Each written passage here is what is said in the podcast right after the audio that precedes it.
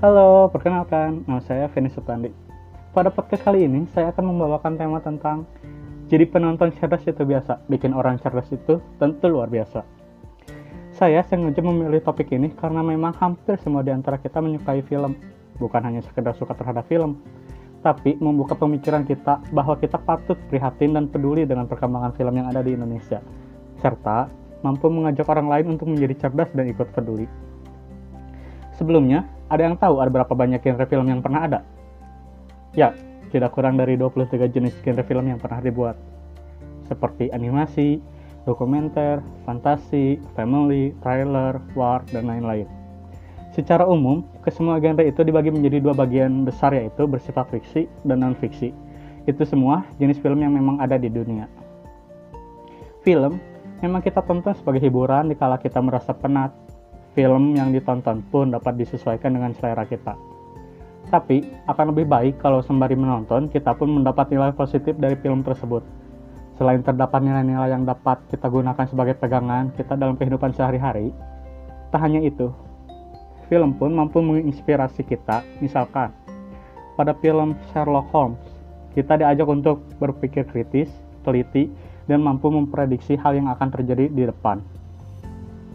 Bagi orang-orang yang benar-benar menghayati film ini, pasti akan terpengaruh menjadi orang yang mencermati detail dalam setiap halnya.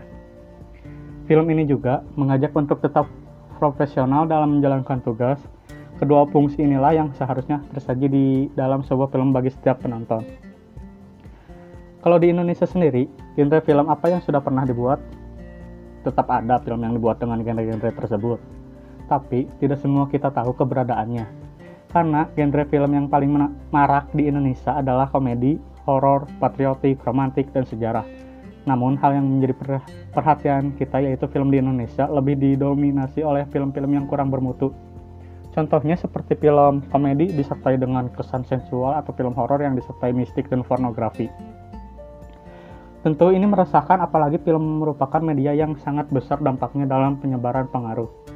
Film-film tersebut menumbuh suburkan pembodohan bangsa, perusakan moral, dan mengkungkung kreativitas senias yang jauh lebih berbakat.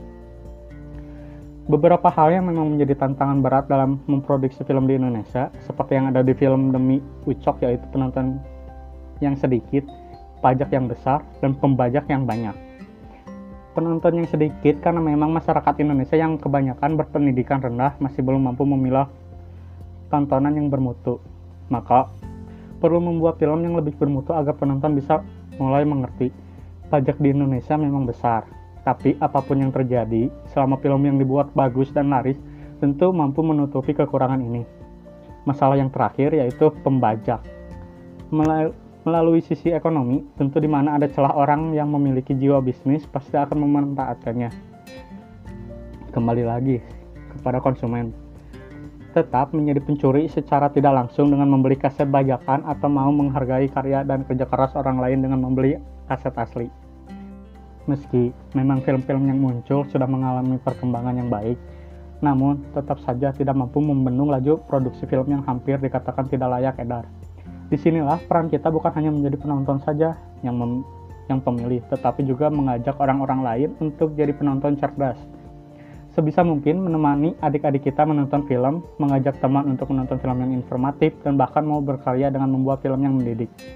Bukan harus membuat film dengan dana yang bombastis atau efek yang super dramatis, tetapi film yang mampu menuntun penontonnya menjadi religius, nasionalis, kreatif, dan aktif. Memang banyak tantangan, tapi mari kita mulai ber beraksi nyata demi mencerdaskan bangsa.